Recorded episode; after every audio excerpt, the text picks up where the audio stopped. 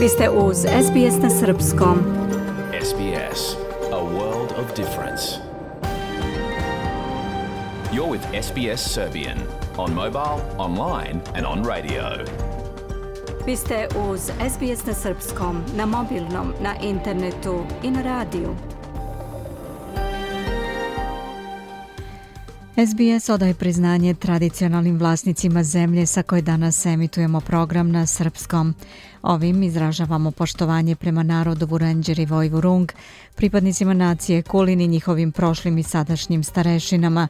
Također odajemo priznanje tradicionalnim vlasnicima zemlje iza svih aboriđinskih naroda i naroda sa ostrava iz Toresovog Moreuza, na čijoj zemlji slušate program. Dobar dan, danas je utorak 29. novembar 2022. Ja sam Biljana Ristić. U današnjem programu posle pregleda vesti detaljnije sa svetskog prvenstva u futbolu. Azio je smanjio nivo pretnje od terorizma u Australiji prvi put od 2014. Reći ćemo detaljnije i o tome. Turistička industrija u Srbiji oporavlja se brže nego što se mislilo, javlja naš saradnik Hranislav Nikolić. Ostanite sa nama do 16 časova sledi pregled vesti.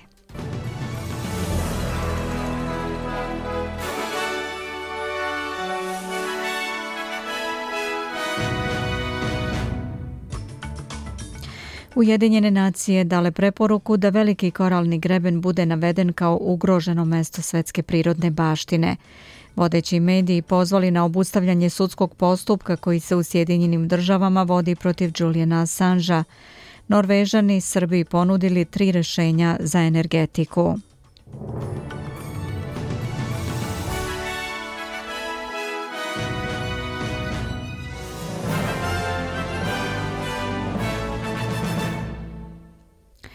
Očekuje se da će se u federalnom parlamentu danas glasati o takozvanoj cenzuri bivšeg premijera Scotta Morrisona zbog skandala povezanog sa njegovim tajnim imenovanjem na ministarske pozicije tokom vladavine koalicijane vlade. Albanizijeva vlada će danas podneti predlog u predstavničkom domu nakon što je u izveštaju proisteklom iz istrage koji je objavljen prošle nedelje utvrđeno da imenovanje gospodina Morrisona na pet dodatnih resora nagrizlo poverenje u federalnu vladu. Cenzura, odnosno snažno neslaganje ili oštra kritika poslanika, nema pravne posljedice, ali će se time izraziti negodovanje poslanika zbog postupaka bivšeg premijera.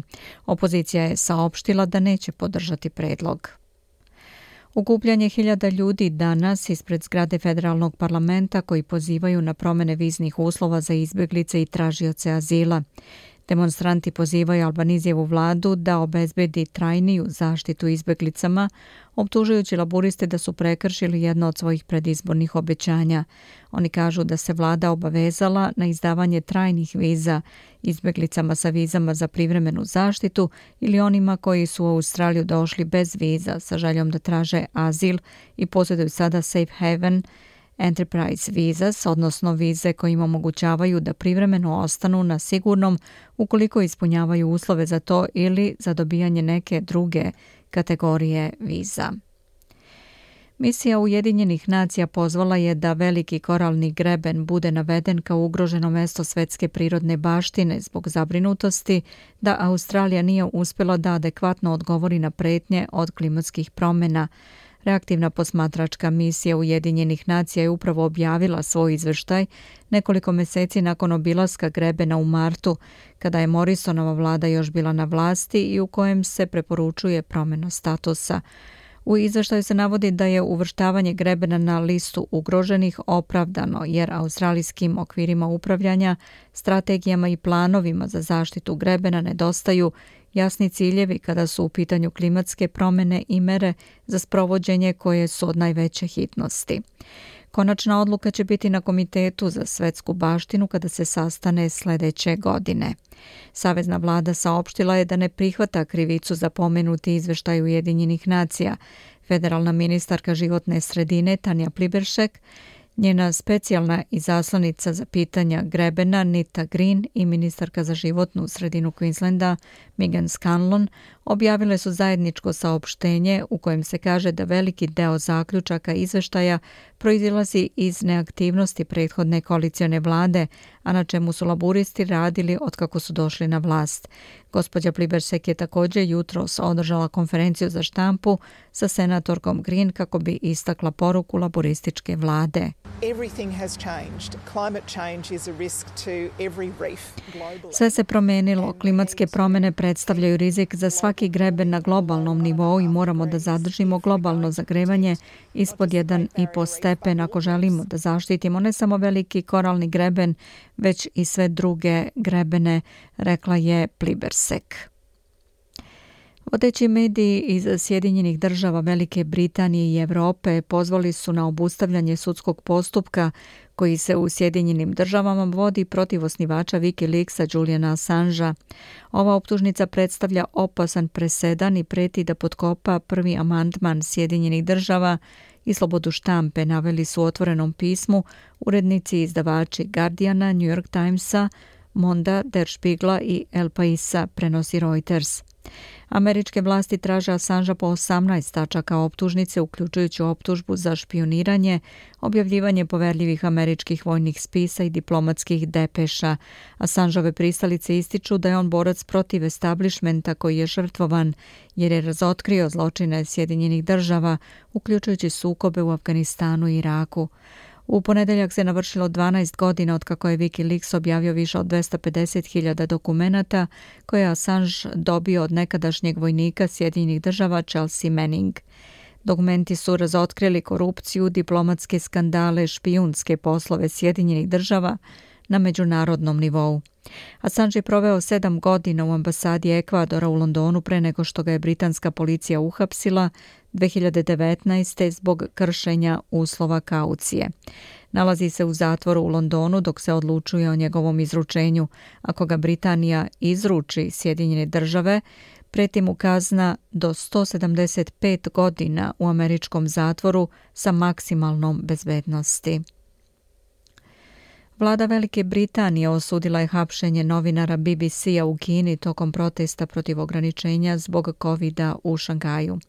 Portparol britanskog premijera Rišija Sunaka kaže da je pritvaranje novinara šokantno i neprihvatljivo i da novinari moraju biti u mogućnosti da rade svoj posao bez straha od zastrašivanja.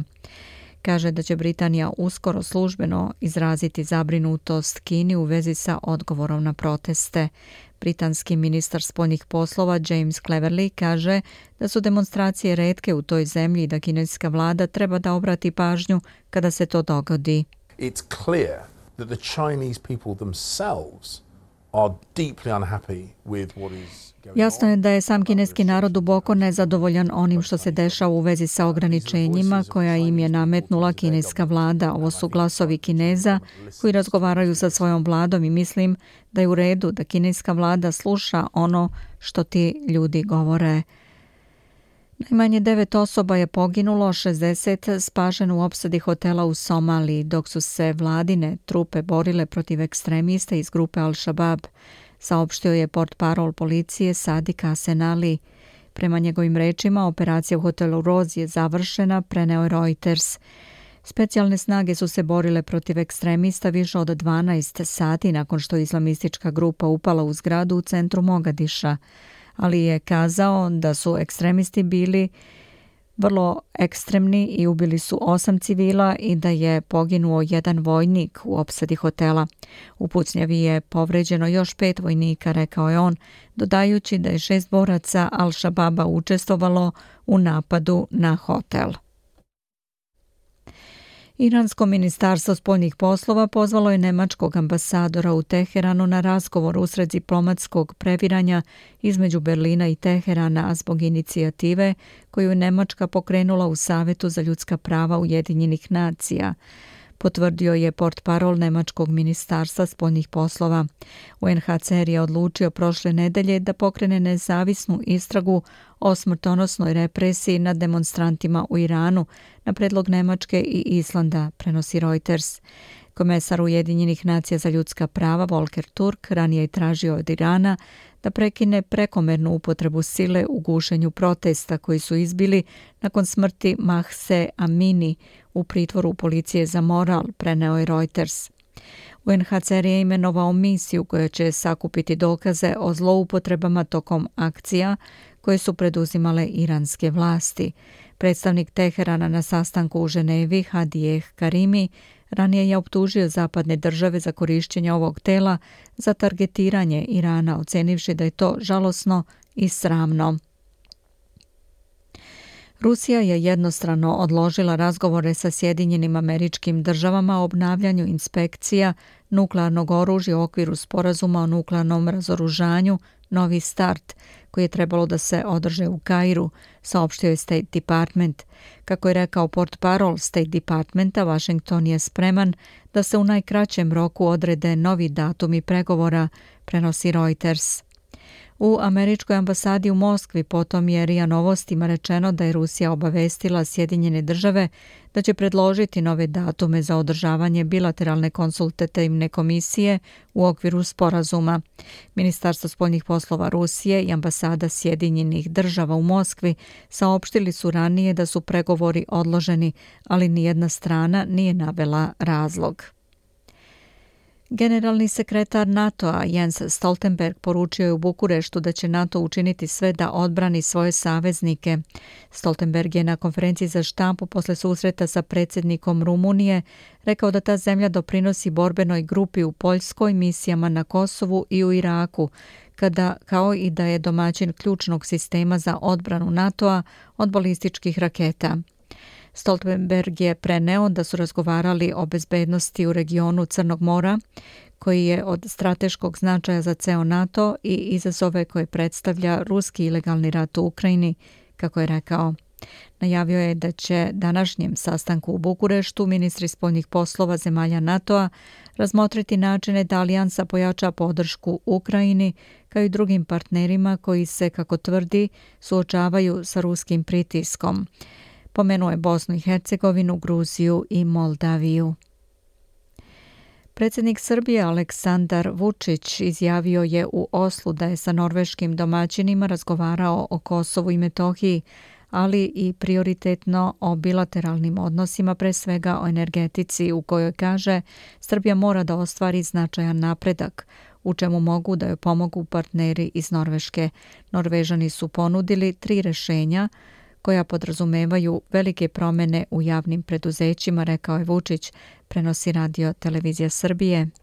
Ovih su prvi koraci bolni, ja ću da navedem jedan od onih koji nisu laki, a to je velike promene u našim javnim preduzećima. Samo za jedno od naših četiri ili pet glavnih javnih preduzeća u sferi energetike oni su rekli da nije neophodna promjena rukovodstva. Za sve ostale su rekli morate da promenite, morate promeniti ljude, da dovedete ljude sa drugačijim načinom razmišljanja. Mnogo teških stvari je pred nama koje moramo da uradimo, ali to moramo da uradimo da bismo bili uspešni u energetskom sektoru onako kako smo uspešni u mnogim drugim, recimo po pitanju javnih finansija, gde je nivo našeg javnog duga niži od 90% zemalja Evropske unije. Bilo je, kaže Vučić, reči o posljednjim razgovorima o Kosovu i Metohiji i rezultatima dogovora o neophodnosti da se sačivaju mir i stabilnost te o procesu dijaloga prenosi Radio Televizija Srbije. Razgovarali o samom procesu dijaloga. Ja, kao i obično, nisam prenosio ili prebacivao krivicu na neku drugu stranu, već sam se trudio da pokušam da ukažem na to što je potrebno i koliko više poverenja da bismo razgovarali o budućnosti na drugačiji način nego do sada. Mogu samo da kažem da nemam previše nade, već imam samo strah od budućih događaja. Ali to pokazuje da gospodin Kurti se uglavnom oslanja na silu velikih i moćnih zemalja sa zapada i računa da će one biti te koje će da primoraju Srbiju da nešto prihvati i te to to. Dobro. Dobro je da znamo na šta računaju. Vučić je najavio da srpsku delegaciju večeras očekuje važan biznis forum gde će ministarka Dubravka Đedović i on, kako je kazao, pokušati dodatno da približe Srbiju norveškim investitorima. Nekoliko hiljada građana u ponedeljak je ponovo protestovalo ispred zgrade Crnogorskog parlamenta u Podgorici tražeći vanredne izbore i povlačenje zakona o predsjedniku koji smatraju neustavnim pokušajem parlamentarne većine da prenese deo nadležnosti sa šefa države na parlament. Noseće crnogorske i zastave Sjedinjenih država Europske unije i Ukrajine, kao i transparente Ne damo te Crna Goro, ne damo ustav i hoćemo izbore, okupljeni su poručili da neće dozvoliti nastavak rušenja njenih institucija i guranje Crne Gore u projekat Otvoreni Balkan. Nešto pre ponoći po lokalnom vremenu 28. novembra vulkan Tu Manua Loa na Havajima se probudio i počeo da izbacuje lavu. Ovo je prva erupcija vulkana od 1984. Stanovništvo je dobilo upozorenje o oprezu i posebnim merama zaštite i ponašanja, naročito u delovima u kojima bi lava mogla da se izlije. Zabeležena je povećana aktivnost još jednog vulkana, vulkan Čuparastik u El Salvadoru počeo je da izbacuje gas i lavu na površinu izazivajući strah da bi ugroženi vulkanski blokovi mogli da padnu na obližnje gradove. Vlasti su uspostavile bezbednostni parametar u krugu od 3 km od kratera, dok su turističke i poljoprivredne aktivnosti u toj oblasti obustavljene. Da pogledamo i kolika je vrednost australijskog dolara. Danas vredi 67 američkih centi, 65 eurocenti, 56 britanskih penija i 75 srpskih dinara, 74 pare. I na kraju ovog bloka da pogledamo i vremensku prognozu u svim većim gradovima do kraja dana. 33 stepena sunčano je u Pertu, kasnije delimično oblačno. Adelaide sunčano sa 19 stepeni, slično u Melbourneu 18. Hobart delimično oblačno 17, delimično oblačno je i u Kamberi 21. Sidney sunčano vreme 20, u Brisbaneu oblačno 25, oblačno popodne u Darwinu 28, zatim kiša sa krmljavinom u toku noći. Beograd danas oblačno do 6 stepeni tokom dana.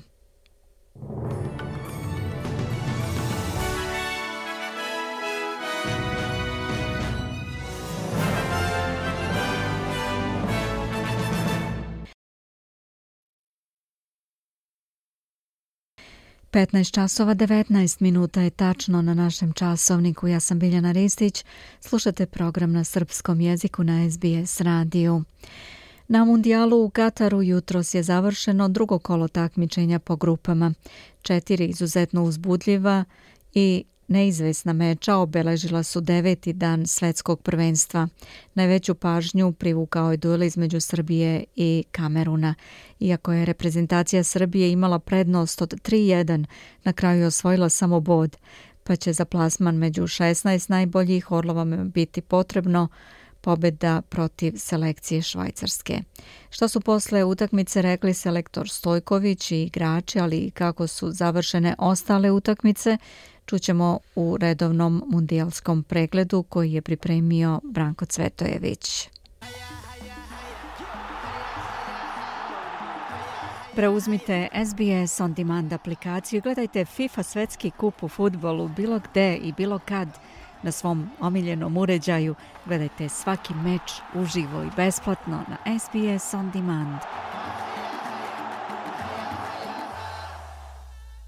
Selekcije Srbije i Kameruna odigrale su sinoć jedan od najuzbudljivijih mečeva do sadašnjeg toka svetskog prvenstva.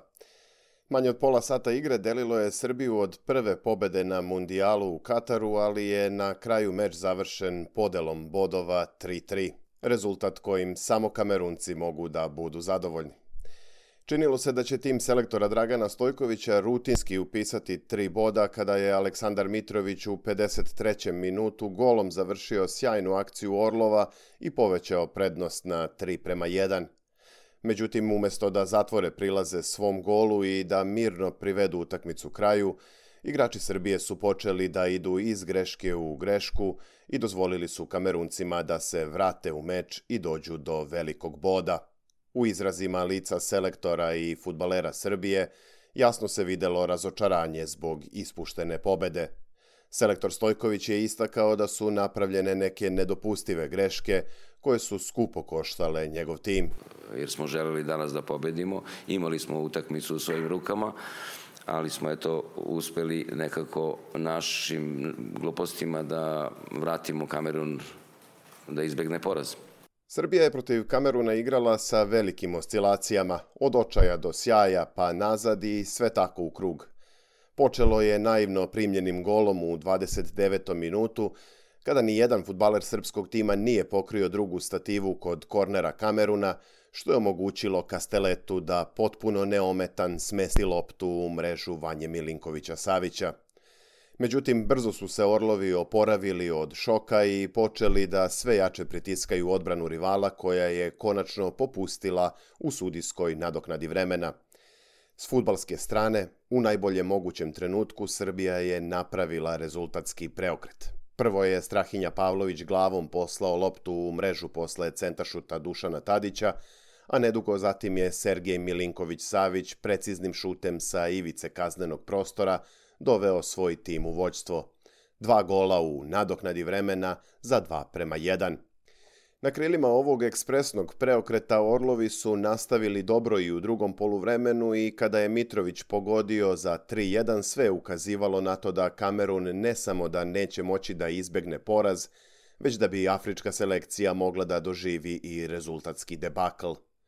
Međutim, dogodilo se potpuno suprotno.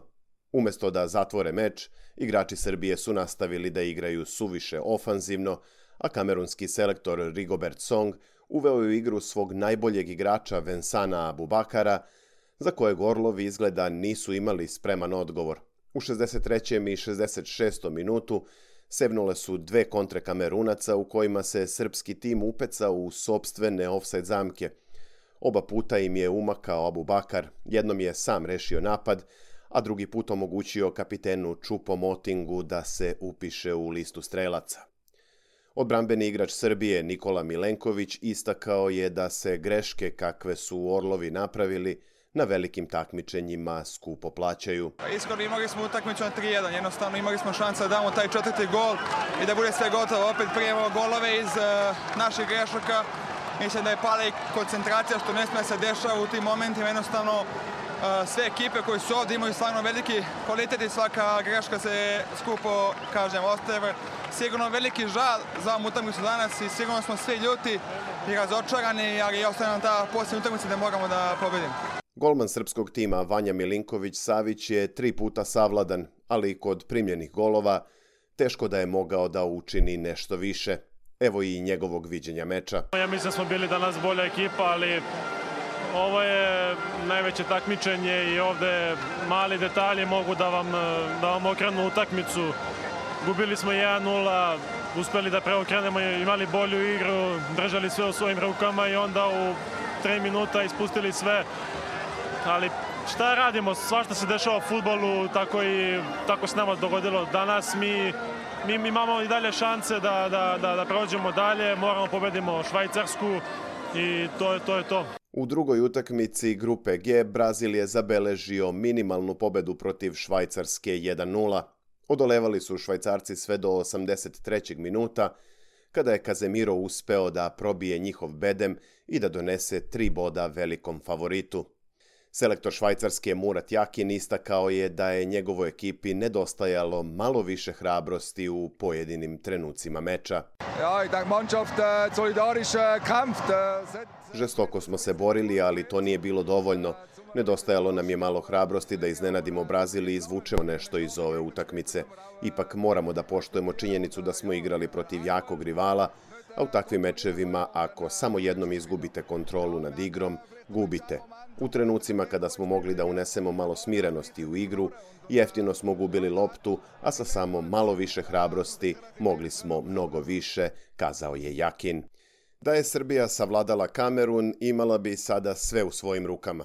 Ovako, za plasman u drugu fazu mundijala neće biti dovoljna samo pobeda na Švajcarskom, već i povoljan rezultat na meču Brazil-Kamerun.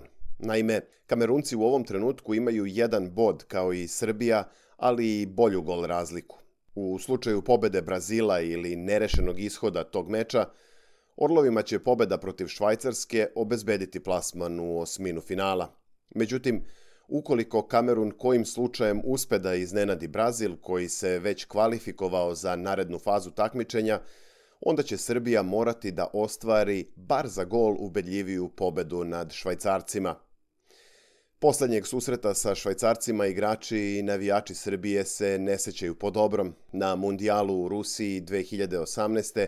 bilo je 2-1 za rivala, koji je, zahvaljujući toj pobedi, prošao dalje i eliminisao Orlove sa svetskog prvenstva. Futbaleri Srbije će sigurno više od svega želeti da se revanširaju i da prvi put izbore plasman u osminu finala. Utakmice Srbija-Švajcarska i Brazil-Kamerun igraju se u subotu rano ujutro po australijskom vremenu. Reprezentacija Portugalije je treća selekcija koja je obezbedila plasman u osminu finala svetskog prvenstva već posle dve runde takmičenja po grupama. Prethodno su svoje mesto među 16 najboljih izborili Francuska i Brazil. Portugalci su u derbiju drugog kola grupe H savladali Urugvaj sa 2 prema 0, golovima Bruna Fernandesa u drugom poluvremenu. Imali su i Urugvajci šanse, pogodili su i stativu kod rezultata 1-0 za rivala, ali su na kraju morali da se pomire sa porazom. Za selekciju Urugvaja ovaj poraz znači da će u poslednjem kolu morati da pobede Ganu. Praktično nalaze se u identičnoj situaciji kao Srbija, jer je i njima pored pobede potreban i povoljan ishod druge utakmice u kojoj će se sastati Južna Koreja i Portugalija. Ovakvom raspletu doprinela je pobeda Gane u izuzetno dramatičnoj utakmici protiv Koreje. Gana je vodila sa 2-0, ali su borbeni i uporni rivali uspeli da dođu do izjednačenja. Ipak, Mohamed Kudus je golom u 68. minutu doneo pobedu u afričkoj selekciji.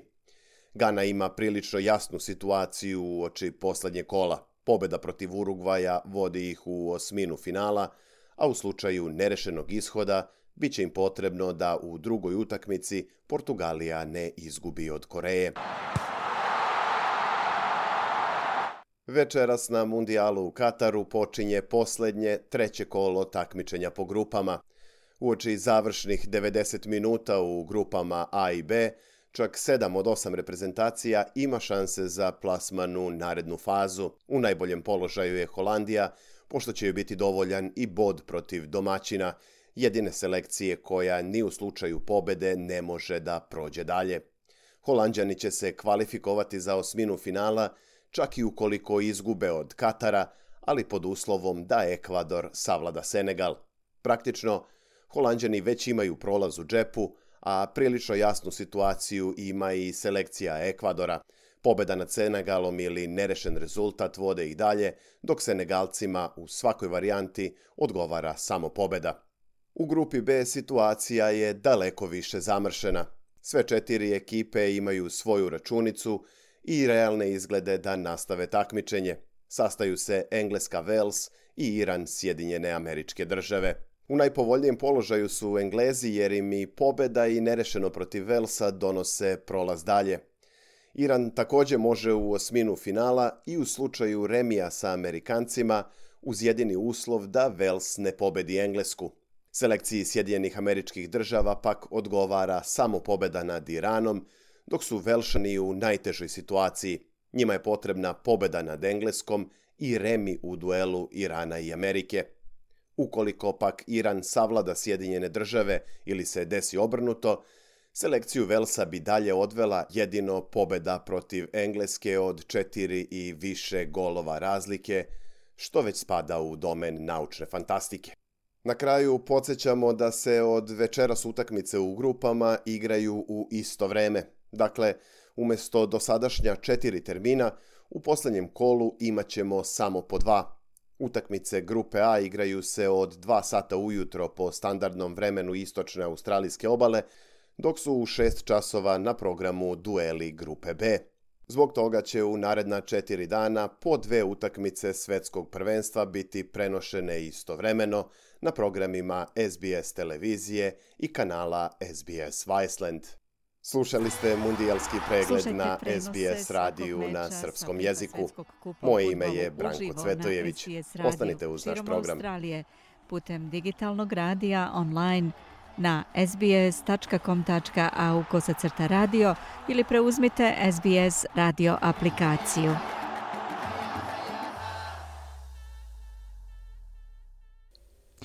Vi slušate SBS radio na srpskom Ja sam Biljana Ristić. 15 časova i 33 i po minuta je tačno na našem časovniku. Prelazimo na teme iz politike. Prvi put u posljednjih osam godina nivo pretnje od terorizma za Australiju je smanjen sa verovatne na moguću. Dok vlasti upozoravaju da ovo ne isključuje smrtonosni napad na domaćem tlu, Najnoviji obaveštajni podaci ukazuju da moć nekih ekstremističkih ideologija omekšava, a priroda terorističke pretnje se menja.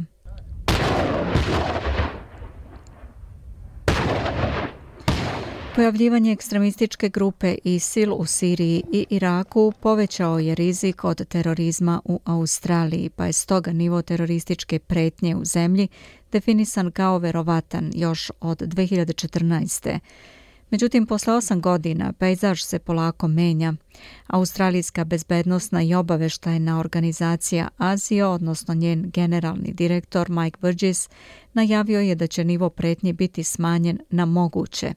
Ipak upozorava da bi i dalje moglo doći do napada na domaćem tlu u narednih 12 meseci. While Australia remains a potential terrorist target,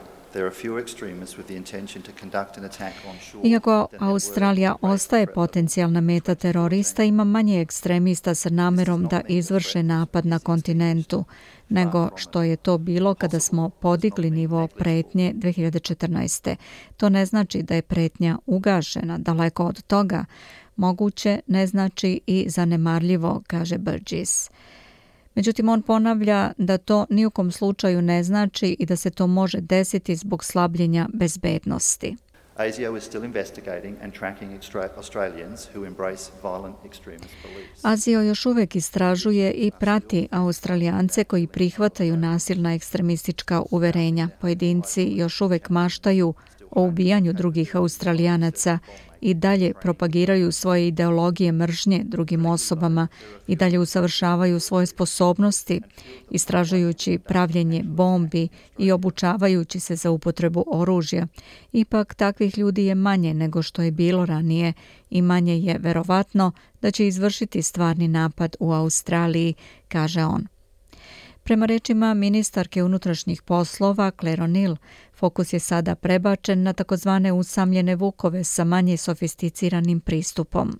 Part of the trend here is a shift to lower technology types of attacks. So back in 2014 we were seeing, you know, sophisticated planning. Deo trenda sada je pomeranje ka nižim tehnološkim tipovima napada. 2014. smo videli sofisticirano planiranje i resurse koji su usmeravani u jedan napad. Generalni direktor je govorio o tome šta bismo mogli da vidimo češće ovih dana, a to je da ljudi mogu da pokušaju da izvrše nasilje nožem ili automobilom, nešto što možete videti u svom svakodnevnom životu. Obaveštajci također prate nacionalistički i rasistički nasilni ekstremizam, a ministarka O'Neill kaže da je profil ovih prestupnika sve mlađi po godinama. We are seeing children 15, 14 years old who are radicalizing um, through a range of... Viđamo decu od 15, 14 godina koja se radikalizuju kroz niz različitih sredstava i u najmanju ruku to ukazuje na ideje o nasilju. Očigledno velika briga za nas kao zemlju, kaže ona. Iako potencijalni teroristički napadi ostaju na radaru Azija, generalni direktor Burgess kaže da je organizacija prepoznala novu, najveću pretnju bezbednosti. Špionaža i strano mešanje zamenjuju terorizam kao glavnu bezbednostnu brigu naše nacije, ali naravno terorizam će ostati prioritet za moju organizaciju. To je pretnja po život i stoga će dobiti punu pažnju. U snižavanju nivoa pretnje vlasti su uzeli u obzir nedavnu repatriaciju australijskih žena i dece iz sirijskog kampa. Oni su tamo putovali zajedno sa borcima Isila i prošli su temeljnu istragu u Siriji pre nego što im je dozvoljeno da se vrate kući. Premijer Anthony Albanizi kaže da u potpunosti podržava odluku Azija. Imam apsolutno poverenje u naše bezbednostne agencije, neću ih preispitivati i neću komentarisati u njihovo ime, kaže Albanizi. Od podizanja nivoa pretnje na verovatan 2014. Azio kaže da je u Australiji bilo 11 terorističkih napada, a vlasti su osujetile 21 zaveru. Iako ove godine nije bilo značajnih napada, generalni direktor Burgess upozorava da terorizam ostaje evoluirajući i trajna pretnja. The proliferation of extremist content online mean individuals are radicalizing very quickly. Proliferacija ekstremističkog sadržaja na internet mreži znači da se pojedini radikalizuju veoma brzo. Meri se danima i nedeljama, tako da je vreme od bljeska do praska kraće nego ikad, kaže Burgess. To je upozorenje da, iako se upozorenje na terorizam snizilo, to je situacija za koju je malo verovatno da će i potrajati, piše Brooke Young za SBS News. Slušate SBS radio na srpskom. Ostanite sa nama. 15 časova i 39 minuta je. Vi ste uz SBS na srpskom. U nastavku govorimo o nasilju o ženama.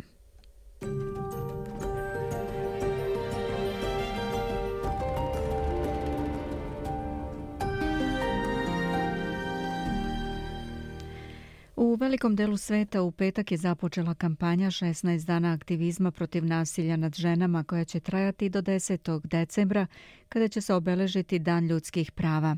Datum i kampanju inicirale su feministkinje Latinske Amerike i Kariba na sastanku u Bogoti 1981. kada su žene otvoreno progovorile o porodičnom nasilju, silovanjima, seksualnom zlostavljanju. 25. novembar odabran je zbog sestara Mirabel Patricije, Minerve i Marije Tereze, koje je na ovaj dan 1960. ubio diktator Rafael Trujillo u Dominikanskoj republici. Ujedinjene nacije su prihvatile inicijativu žena i 1999. proglasile 25. novembar Međunarodnim danom borbe protiv nasilja nad ženama. Kampanju 16 dana aktivizma protiv nasilja nad ženama, koja je počela 25. novembra, sprovodi preko 1700 organizacija u više od stotinu država.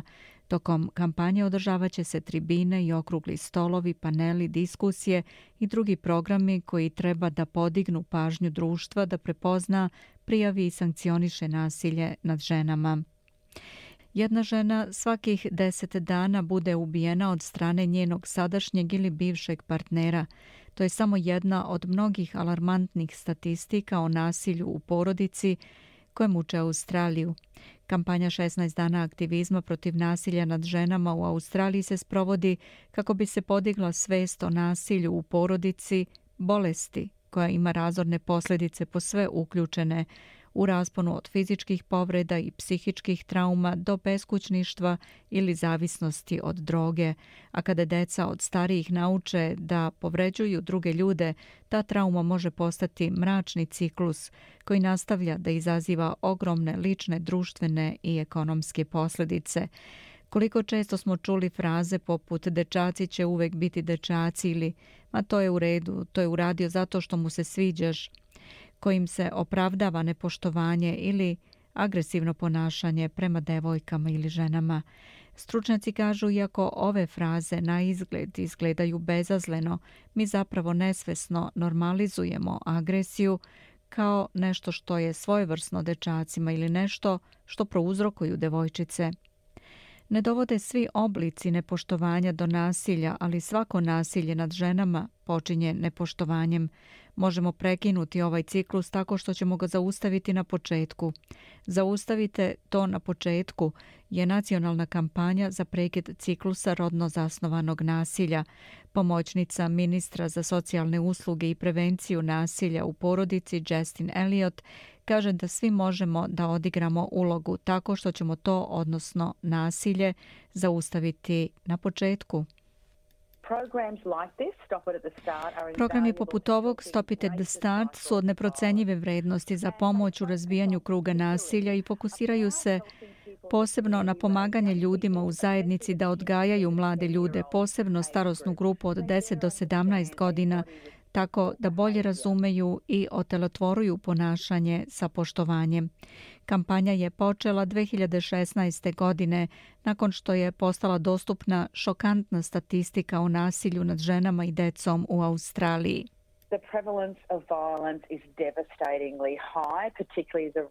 Prevalencija nasilja je poražavajuće visoka, posebno stopa ubistava intimnog partnera. Znamo da u proseku jednu ženu ubije trenutni ili bivši partner svakih deset dana. I jedini način da se vidi kontinuirano smanjenje je kroz snažan nacionalni fokus na rešavanje rodne nejednakosti i drugih oblika diskriminacije i nepovoljnog položaja. Kampanja prepoznaje da na ponašanje mladih utiču i oblikuju ih odrasli, negovatelji i uticajni ljudi oko njih. Dakle, kampanja podstiče odrasle da razmisle o sobstvenim stavovima i budu pozitivni uzori deci. Dr. Rozina McAlpine je stručnjak za roditeljstvo i autor knjige Inspired Children – Ona kaže da izgovori poput dečaci će biti dečaci mogu da oblikuju stavove mladih o tome šta je u redu i opravdaju nepoštovanje mladih prema drugima. Violence doesn't just start, it grows.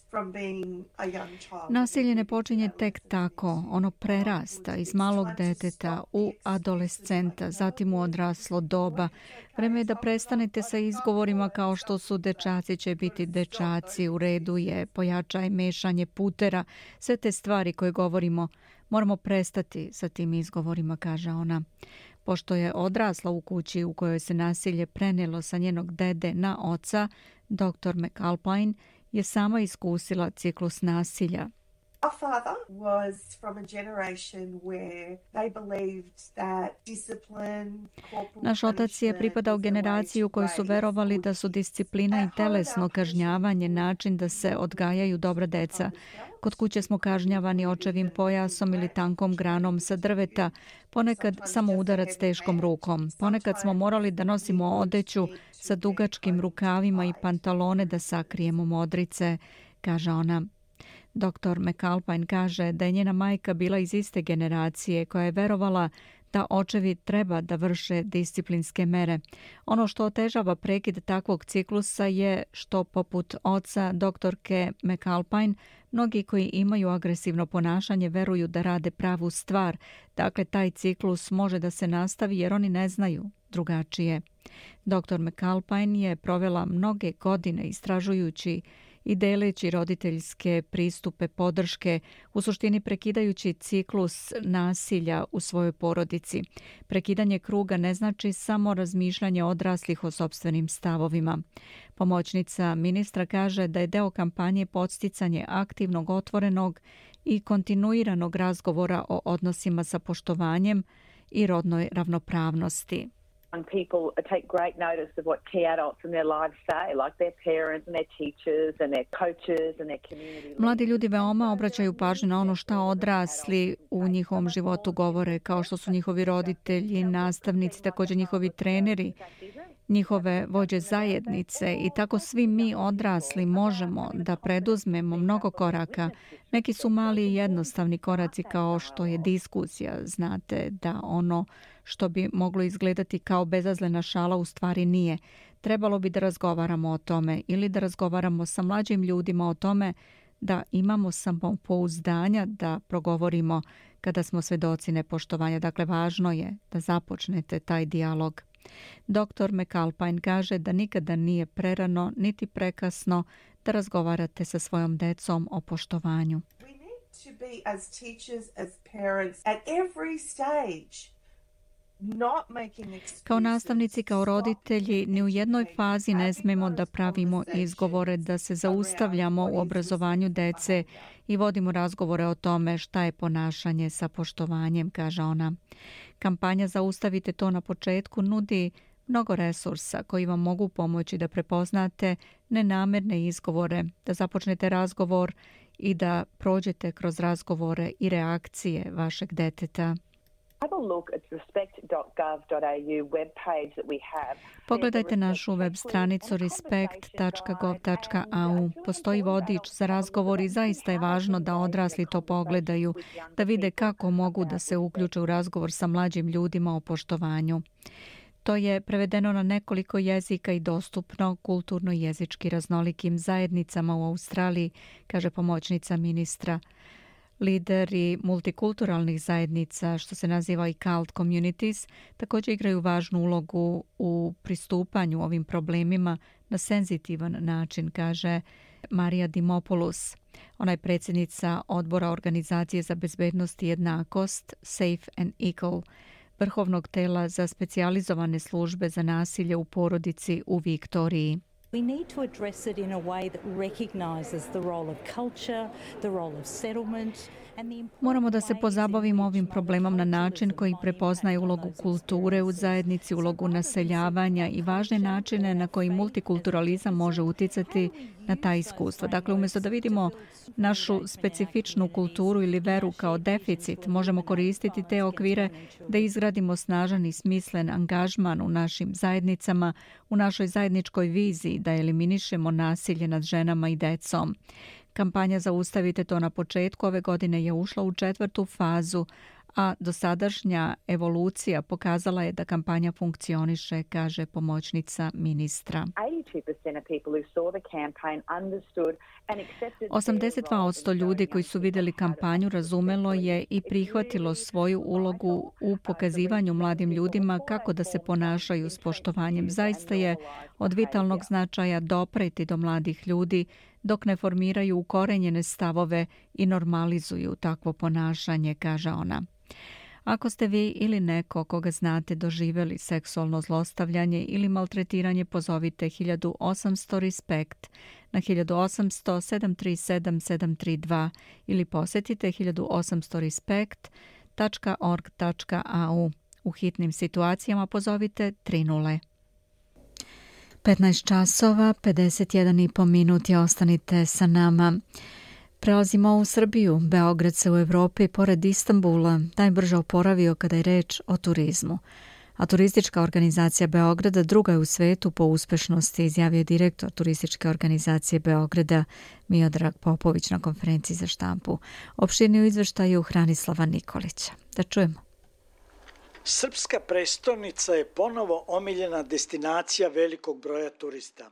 Prema zvaničnim podacima, Beograd se u Evropi posle Istambula najbrže uporavio kada je reč o broju posetilaca posle dvogodišnjeg zastoja zbog epidemije korone. Turistička organizacija Beograda je po uspešnosti drugo u svetu odmah iza londonske. Naš glavni grad je u prvih devet meseci uspeo da dostigne nivo turista iz 2019. godine. Beograd ima 121 hotel, značajne kapacitete u privatnom smeštaju. Kada dođu praznici, odnosno Beogradska zima, sa velikim brojem manifestacija, očekuje se takođe veliki broj turista iz Evrope pa i sveta. Miodrag Popović, direktor turističke organizacije Beograda, kaže za Tanju da za Beograd kao centar regiona i Srbiju postoji stalni interes. Zatim je dodao. Ovo je tržište koje funkcioniše. Dakle, Beograd ima u ovom trenutku 121 hotel, ima značajno veći broj privatnog smeštaja nego što ga imao pre pandemije korone. Dakle, mi smešteni kapaciteti imamo. Oni su u ovim periodima sada kada dođe E, kada dođu božićni novogodišnji praznici ili kako mi to u Beogradu zovemo Beogradska zima sa velikim brojem manifestacija. E, dakle, pretpostavljam da će e, oni koji dođu prvi ipak uživati u nešto boljim cenama od onih koji se u poslednjem trenutku odluče da dođu u Beograd jer tržište funkcioniše. Što se toga tiče ili generalno što se svi cena tiče, mi tu dobro stojimo ili možda čak najbolje u regionu jer nekako smo uspeli da održimo tu normalnost u svemu, pa i u cenama, E, kada govorimo o aktualnoj krizi kroz koju čitava Evropa u ovom trenutku prolazi.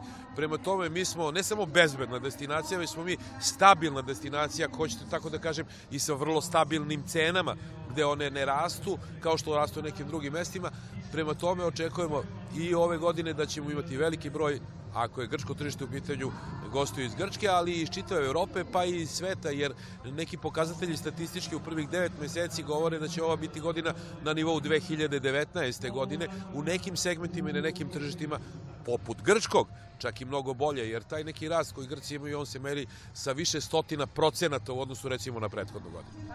Nekoliko promocije u Evropi, posebno u Grčkoj, doprinelo je ovom značajnom skoku. Beogradski tim učestvovao je na turističkom sajmu u Solunu.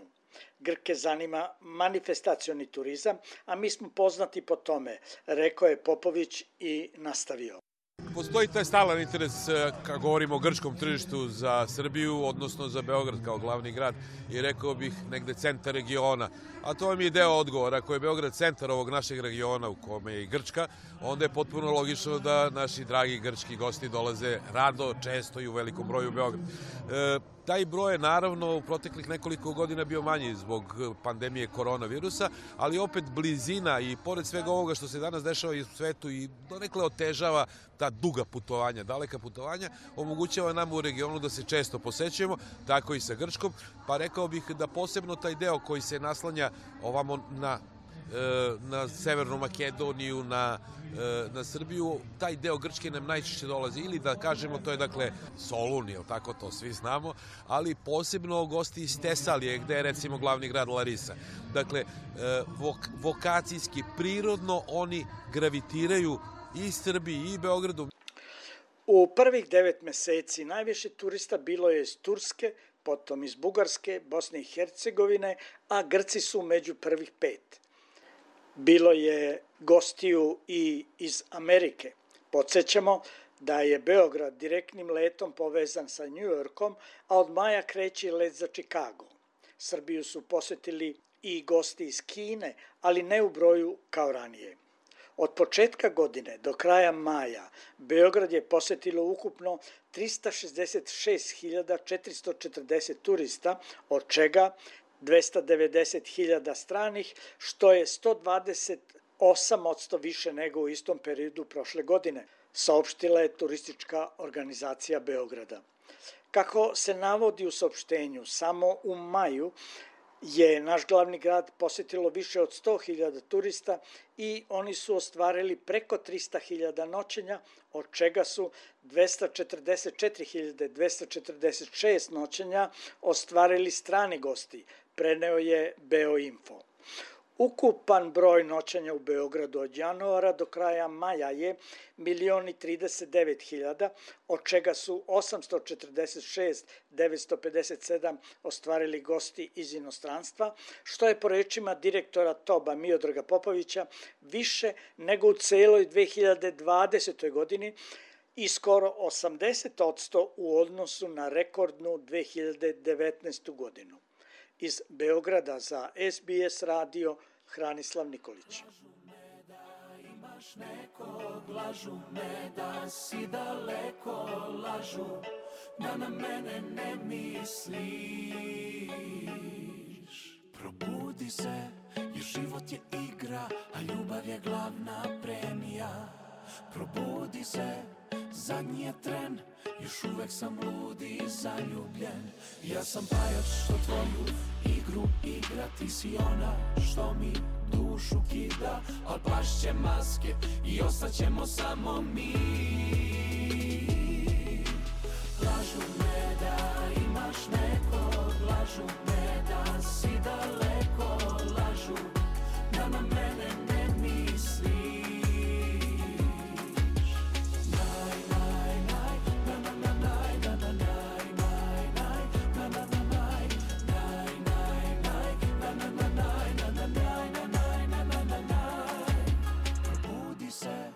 Srce je staklo, povratka nema kad se razbije.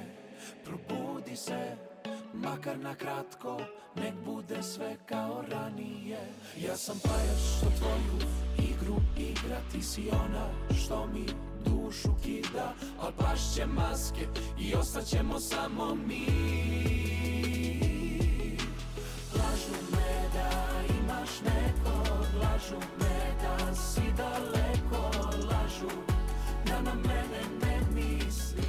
Lažu me da imaš nekog Čegi i Braća Blues Band i time završavamo današnji program.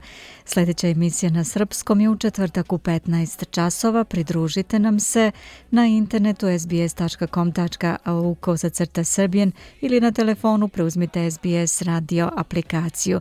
Na Facebooku profil je SBS Srbijen. Sa vama je danas bila Biljana Ristić. Ja vam želim prijatan ostatak ovog 29. novembra 2022. Doviđenja i do slušanja u četvrtak u 15 časova.